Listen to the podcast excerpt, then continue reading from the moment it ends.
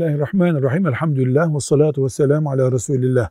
Bugün dünya Müslümanlarının sıkıntılarıyla Resulullah sallallahu aleyhi ve sellemin hayatta bulunduğu günün Müslümanlarının sıkıntılarını Kur'an'ın o günleri tarif eden e, ayetlerinden yola çıkarak karşılaştırmamız mümkündür.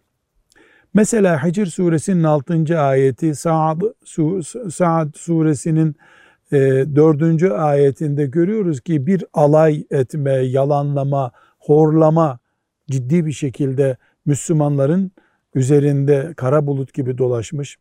İkinci olarak bakıyoruz şüphe uyandırma, yeni çıkan dine karşı e, bir gürültüye boğma taktiği olmuş. Enbiya suresinin 5. ayetinde, Furkan suresinin 4. ve 5. ayetinde, Nahil suresinin 103. ayetinde bunu görüyoruz.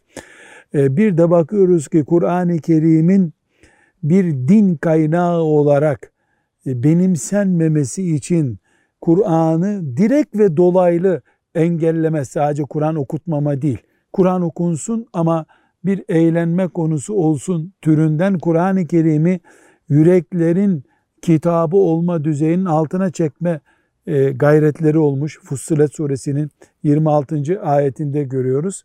Bedensel işkenceleri, ekonomik ablukaları zaten görüyoruz.